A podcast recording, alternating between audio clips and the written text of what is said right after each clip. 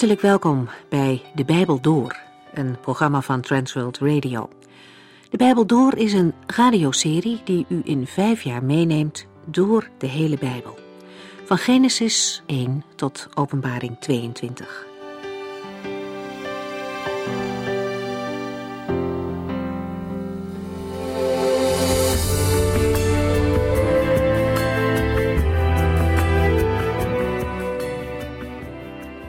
De vorige uitzending hebben we nagedacht over de viering van het avondmaal.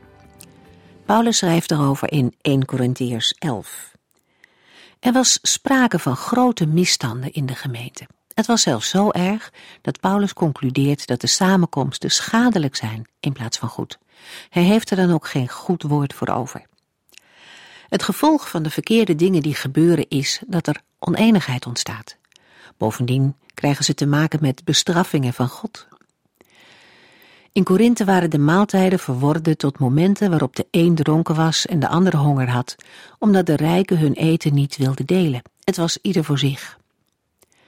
Wat een verschil met de maaltijden die in handelingen beschreven worden. Dat waren liefdesmaaltijden waarin samen delen en eten voorop stond. Daar stond de eer van God centraal. Paulus legt opnieuw uit hoe de Heer Jezus zelf het avondmaal heeft ingesteld en wat de betekenis daarvan is. Het is een herinneringsmaal. Totdat de Heer Jezus terugkomt, vieren christenen dit. Het brood vertegenwoordigt het gebroken lichaam van Christus en de wijn is symbool voor zijn offer, zijn vergoten bloed. Het avondmaal is een moment van één zijn met de Heer Jezus. Het draait niet om iemand zelf. Het avondmaal ziet terug op het sterven van Jezus en tegelijkertijd ook vooruit naar zijn komst. Om mee te doen aan het avondmaal is het nodig dat christenen bij zichzelf nagaan of er zonden zijn die ze nog niet beleden hebben. In Korinthe was veel ziekte en er stierven mensen. Paulus legt een verband met de zondige toestand waarin de gemeente bleef hangen. God kan ingrijpen om door deze drastische maatregelen mensen terug te brengen op zijn weg. Dat betekent zeker niet dat elke ziekte gevolg van zonde is. Het laat wel zien dat zonde in de gemeente niet vrijblijvend kan bestaan. De Heer bestraft de mensen om ze weer op de goede weg terug te brengen. Op zijn weg. We beginnen nu in hoofdstuk 12.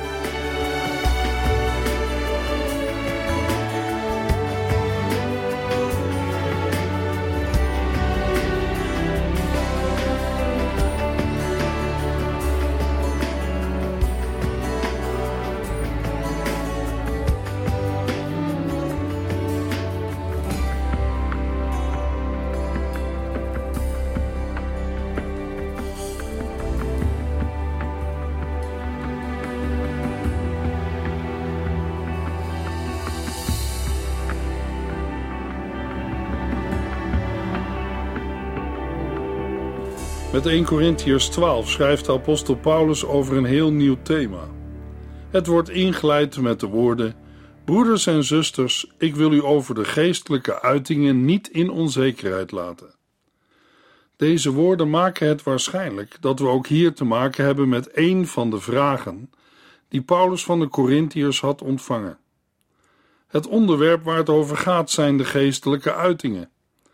Het vervolg van het hoofdstuk maakt duidelijk dat het dan vooral over de gave van de Heilige Geest gaat. Dat Paulus niet wil dat zijn lezers over de geestelijke uitingen in onzekerheid zijn, betekent niet dat zij daarover nog geen onderwijs hadden ontvangen. Het houdt in dat hij hun nu iets belangrijks wil zeggen en zij daarom goed moeten opletten. In de vorige hoofdstukken heeft de apostel uitgebreid gesproken over vleeselijke mensen.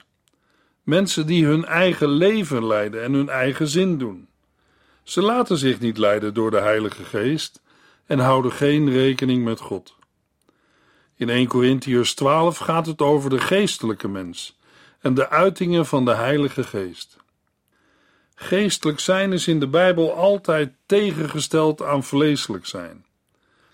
Daarover schreef Paulus in 1 Corinthiërs 3 vers 1 Broeders en zusters, toen ik bij u was, kon ik u nog niet toespreken als geestelijke mensen. U leidde uw eigen leven en deed uw eigen zin. Uw verhouding met Christus was nog zo pril dat ik u alleen maar melk kon geven. Tot en met 1 Corinthiërs 11 ging het in de brief over het vleeselijke, omdat de meeste vragen van de Corinthiërs over vleeselijke dingen gingen. Je zou kunnen zeggen het waren vragen waar vleeselijke christenen in waren geïnteresseerd. Immers, de antwoorden die Paulus gaf hadden betrekking op verdeeldheid en op voorkeur voor bepaalde leiders in de gemeente. Op overspel en naar de rechtbank gaan met onderlinge geschillen. Over problemen met de seksualiteit. Over het onderscheid tussen mannen en vrouwen en de kleding en haardracht. Schranspartijen en dronkenschap tijdens de viering van het heilige avondmaal. Het waren allemaal worstelingen van de gelovigen met hun verleden uit de tijd dat zij zonder God leefden en hun eigen leven leidden en eigen zin deden. Luisteraar, de gelovigen van toen hadden veel correctie en vermaning nodig. Anders zouden zij van het goede spoor afdwalen en terugvallen in heidense patronen. Maar geld, drank en vrouwen, leven in wilde en overvloed, was niet alleen toen een verzoeking en verleiding. Ook vandaag en ook wij moeten in de spiegel kijken die Paulus de gelovigen in Korinthe voorhoudt. Hopelijk hebben wij bij het lezen van de eerste elf hoofdstukken ontdekt dat de apostel Paulus niet maar een beetje aan het mopperen is tegen de gelovigen in Korinthe. Het is geen tirade van een gefrustreerde zendeling die ontdekt heeft dat de gelovigen die hij mocht bereiken nog veel oude dingen van vroeger in stand houden en zich overgeven aan dingen die hem wegvoeren van de levende God. Herinneren wij ons nog de woorden die Paulus schreef in 1 Corinthians 4, vers 14 tot en met 16? Mijn beste vrienden, ik schrijf dit niet om u een gevoel van schaamte te geven, maar om u terecht te wijzen. Ik ben uw geestelijke vader. Daarom smeek ik u, volg mijn voorbeeld. Nu, in 1 Corinthians 12, gaat Paulus het over geestelijke onderwerpen hebben. Mogelijk heeft hij een zucht van verlichting geslaakt toen hij eindelijk kon overschakelen op andere thema's. In de volgende hoofdstukken gaat de apostel in op drie specifieke thema's, namelijk de eenheid in de geest, de wet van de liefde en de overwinning van de gelovigen in de opstanding uit de dood. 1 Corinthians 12, vers 2 toen u nog niet gelovig was, leefde u onder de misleidende invloed van afgoden. Om duidelijk te maken hoe men onderscheid maakt tussen dingen die wel en dingen die niet door de Heilige Geest zijn geïnspireerd, herinnert Paulus de Corinthiërs aan hun vroegere levenswandel in het heidendom. We vinden daarmee ook een aanwijzing dat het grootste deel van de gemeente van Korinthe een heidense achtergrond had. Het heidendom kende geestvervoeringen en onder invloed van boze geesten uitgesproken boodschappen, orakelspreuken. Paulus was van dit spreken onder inspiratie van boze geesten maar al te goed op de hoogte. De gelovigen moeten nu leren te onderscheiden tussen het spreken van de Heilige Geest en het spreken van boze geesten. De belangrijkste maatstaf daarbij is de inhoud van de boodschap. Vers 2 heeft op zich geen verdere uitleg nodig. We kunnen de inhoud wel met andere woorden weergeven. Bijvoorbeeld, zoals u weet, was u in de tijd dat u nog heidenen was volledig in de ban van goden die taal nog teken geven. De Corinthiërs lieten zich meeslepen naar de afgoden. Degene door wie zij werden meegesleept zijn in Paulus' ogen de boze geesten. Van afgoden wordt in Psalm 115 gezegd Afgodsbeelden zijn van zilver en goud, vervaardigd door gewone mensen. Die beelden kun je zien. Ze hebben een mond, maar zeggen geen woord. Ook hebben ze oren aan het beeld gemaakt, maar die kunnen toch niet horen. En een neus, maar die ruikt niets. De handen die eraan zitten voelen niets. En de voeten verzetten geen stap. Ook de keel kan geen geluid voortbrengen. Wie beelden maakt, zal eenmaal net zo dood zijn als zijn maaksel. Zo gaat het ook met ieder die op die beelden vertrouwt. Israëlieten, stel uw vertrouwen op de Heere. Daarom gaat het ook bij Paulus. Hij wil niet dat de gelovigen in Korinthe, en waar dan ook, willoze slachtoffers zijn in de macht van boze geesten. In de macht van boze geesten is er geen controle meer over wat je doet en zegt. Dan is een mens gebonden en moet hij of zij worden bevrijd in de naam van de Heer Jezus. De profeet Habakkuk heeft het in het Oude Testament al opgeschreven. Welk nut heeft het u zelf gemaakte afgodsbeelden te aanbidden? Het is een leugen, dat zij zouden kunnen helpen. Het is dwaas om te vertrouwen op wat u zelf hebt gemaakt. 1 Corinthians 12, vers 3. Daarom wil ik u erop wijzen dat niemand die door de geest van God geleid wordt, kan zeggen dat Jezus vervloekt is. En evenmin kan niemand oprecht zeggen dat Jezus de Heer is, behalve als hij door de Heilige Geest geleid wordt. In de vorm van een plechtige verklaring: Ik wil u erop wijzen, maakt Paulus het criterium bekend waaraan een echte uiting van de Heilige Geest moet voldoen. Het is de belijdenis dat Jezus de Heer is. Alleen een gelovige zal de naam van de Heer Jezus Christus verheerlijken. In de Griekse grondtekst staat voor Heer Kyrios. Graag wil ik over dit woord wat meer vertellen. Het zelfstandige naamwoord Kyrios betekent beheerser, eigenaar, meester en heer. Het is oorspronkelijk een bijvoeglijk naamwoord met de betekenis macht of gezag hebben over, dat als zodanig in het Nieuwe Testament niet voorkomt.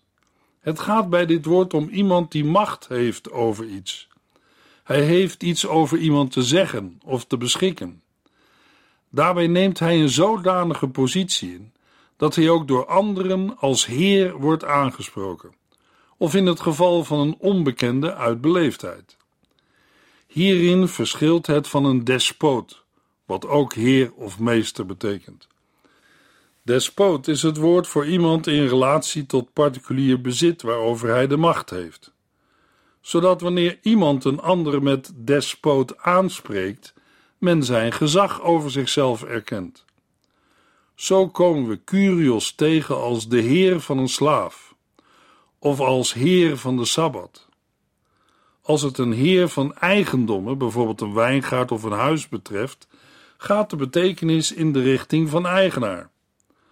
Als het woord gebruikt wordt voor de vader van een familie, bijvoorbeeld door de zoon of de vrouw, getuigt dit van respect voor het gezag van de vader als hoofd van het gezin. Zo komt het woord ook in wijdere zin voor als aanspreektitel voor personen met een hoge positie, bijvoorbeeld Pilatus, en speciaal voor de keizer van het Romeinse Rijk, of voor gerespecteerde personen in het algemeen. In deze zin hebben ook de discipelen en het volk Jezus met Heer aangesproken tijdens zijn leven op aarde. In bijzondere zin is de titel Curios de weergave van de oud-testamentische naam van God, Yahweh. Maar door de Joden werd op grond van het derde gebod langzamerhand de naam Yahweh niet meer uitgesproken. Daardoor is zelfs de juiste uitspraak niet met zekerheid vast te stellen. Bij het lezen werd Yahweh vervangen door Adonai. In de Griekse vertaling van het Oude Testament is Yahweh weergegeven met het woord Kyrios. In het buitenbijbelse Grieks werd het woord ook gebruikt voor heidense goden. Daarnaast is Kyrios vooral de aanduiding voor de Heer Jezus. In de eerste plaats in oud-testamentische citaten die op hem worden toegepast. Bijvoorbeeld de aanhaling van Psalm 110 in Matthäus 22. Lucas gebruikt de aanduiding de Heer vaak voor Jezus. In handelingen en de brieven is het gebruik van Kyrios, Heer, belangrijk uitgebreid.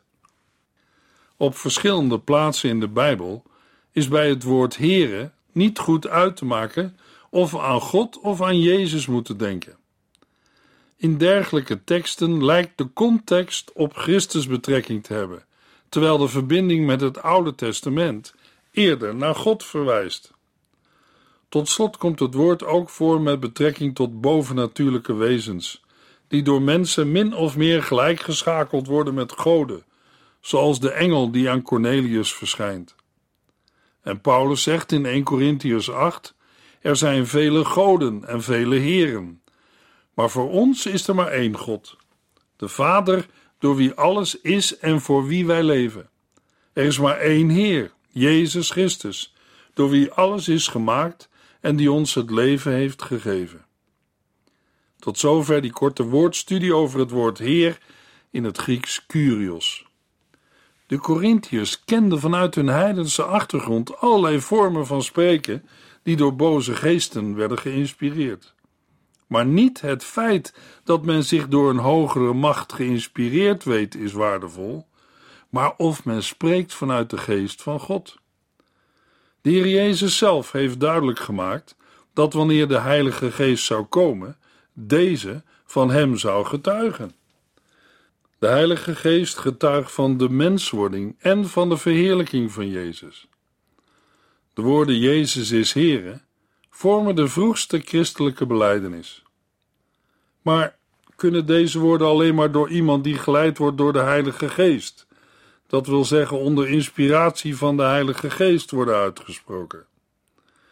In het algemeen gesproken zou je daar, in het licht van Matthäus 7, vers 21, nee op moeten zeggen. Wat bedoelt Paulus dan? Paulus heeft het in 1 Corinthians 12 over gedreven spreken, geïnspireerd spreken. In zo'n situatie zal inderdaad alleen de Heilige Geest een mens tot zulke uitspraken bewegen. We hebben bij de woordstudie over het woord Curios al gezien dat in de Septuaginta het woord Curios, Heer of Here, de gangbare vertaling voor de godsnaam Yahweh was.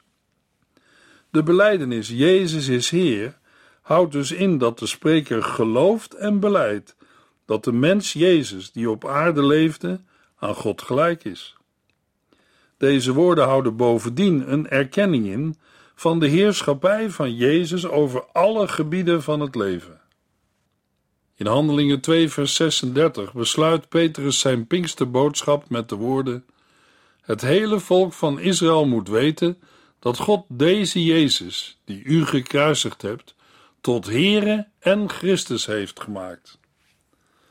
Handelingen 2, vers 36 is de conclusie en de climax van de boodschap van Petrus. De gedragen woorden: Het hele volk van Israël moet weten, klinkt als een godsoordeel en raakt de toehoorders diep in hun hart. De uitstorting van de Heilige Geest is het bewijs van Jezus' verhoging. Dan moet de conclusie uit Psalm 110, vers 1 wel zijn dat Jezus zowel de Christus, de Messias, als de Curios, Heer is, die in de psalm met Mijn Heer wordt aangesproken. God de Vader heeft Jezus gemaakt, zowel tot Christus als tot Heer degene die vanuit de hemel heerschappij heeft over alle dingen.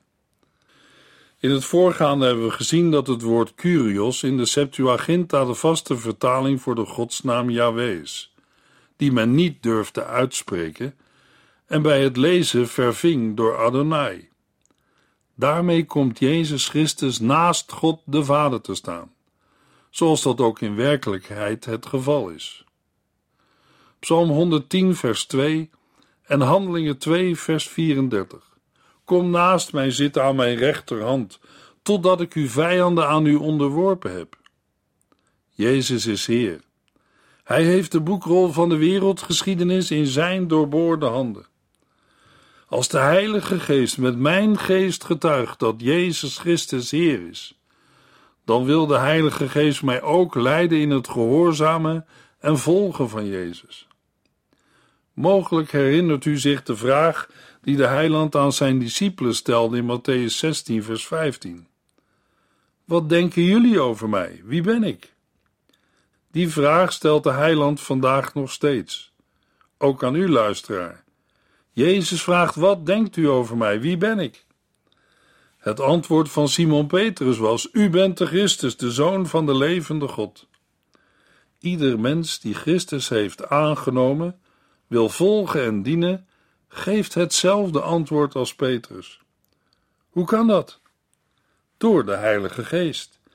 Die geest getuigt met onze geest dat wij kinderen van God zijn. Zonder de Heilige Geest kan en mag niemand aan het werk in Gods koninkrijk. In zijn gemeente niet en ook niet in de wereld om het evangelie te verkondigen. Daarom moet iedere gelovige door de Heilige Geest worden geleid.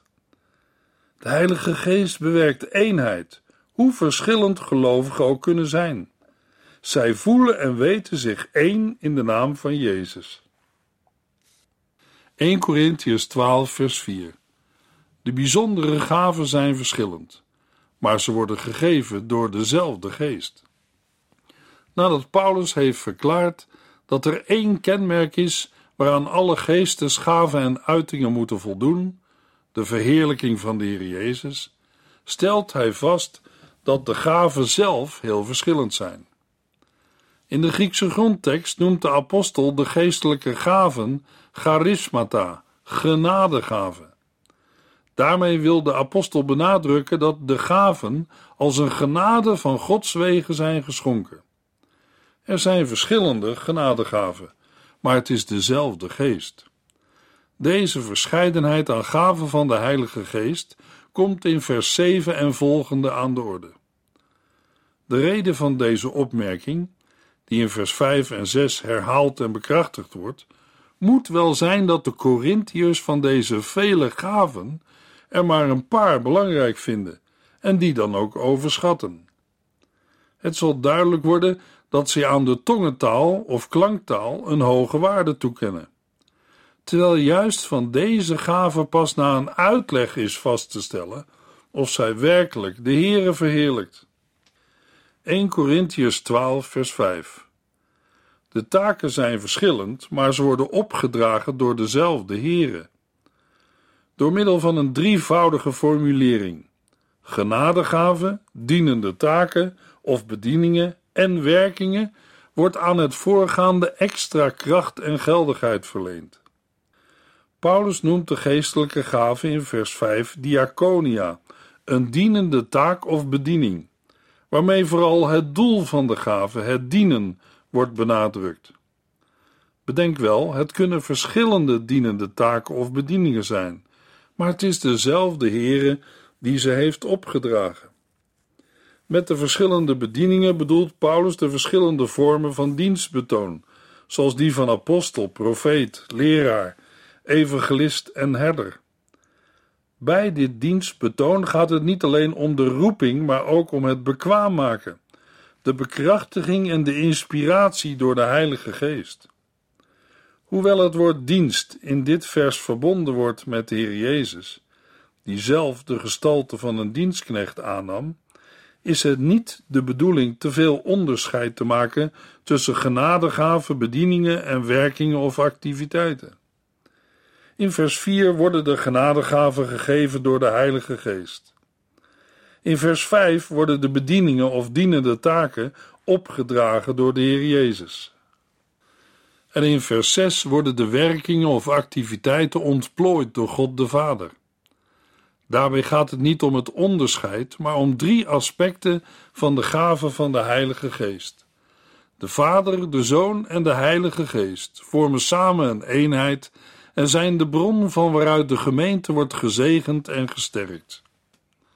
1 Corinthiërs 12, vers 6. De activiteiten zijn verschillend, maar ze worden ontplooid door dezelfde God, die alles in ons allen bewerkt. De drievoudige formulering sluit aan bij de Joodse stelregel dat op grond van een drievoudig getuigenis of een drievoudige verklaring een zaak vaststaat. Het gebruik van een dergelijke drievoudige formulering, waarbij de drie-enige God als getuige wordt aangeroepen, betekent dat de zaak heel belangrijk is. De gaven en bekwaamheden die God aan de gemeente geeft, mogen geen van allen worden ondergewaardeerd. Omdat ze alle uit dezelfde God voortkomen, hebben ze alle hun waarde, plaats en noodzakelijkheid. Het feit dat God alle gaven, bedieningen en werkingen in alle gelovigen bewerkt, houdt ook in dat geen van de gelovigen met zijn gaven en bedieningen mag worden onderschat of ondergewaardeerd. 1 Corinthians 12, vers 7. De geest openbaart zich door elk van ons, tot welzijn van de hele gemeente.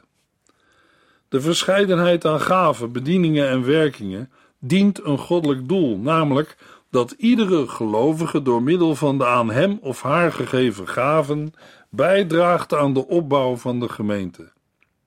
De geest openbaart zich door elk van ons, staat met nadruk vooraan in de zin. De uitdrukking de geest openbaart zich moeten we, gelet op de nu volgende opsomming van gaven, verstaan als een bepaalde manier waarop de Heilige Geest zich openbaart of manifesteert. Dat wil zeggen, een bepaalde uitingswijze van de Geest. Aan iedere gelovige wordt door de Geest één of meer gaven gegeven. Deze gaven zijn gericht op het welzijn van de hele gemeente. Ze hebben de bedoeling om het geloofsleven van anderen te versterken en niet om zich als gelovige boven anderen te verheffen. Het zijn immers genadegaven. In de volgende verse geeft Paulus een opsomming van uitingen van de Heilige Geest, die in Korinthe de meeste aandacht kregen. Het zijn er negen. In het Nieuwe Testament vinden we ook nog andere manieren waarop de Heilige Geest zich door gelovigen manifesteert, zoals bijvoorbeeld spreken of onderwijzen, helpen en leiding geven. Aan de een wordt door toedoen van de geest gegeven een woord van kennis of wijsheid te spreken, door dezelfde geest. Bij de Corinthiërs stonden wijsheid en kennis hoog aangeschreven. Zij neigden erna dat als wijsheid te zien, wat in de Griekse filosofie van belang was. Daartegenover staat de wijsheid van God, die door de Heilige Geest wordt onderwezen. De wijsheid van God betreft inzicht in Gods heilsplan en de toepassing van zijn wil. Het blijkgeven van Gods kennis staat in verband met de kennis waarop de Corinthiërs zich beriepen. Het ging daar om de kennis dat de afgoden niet bestaan en de daaruit voortkomende gewetensvrijheid om offervlees te eten. In de volgende uitzending lezen we verder in 1 Corinthiërs 12.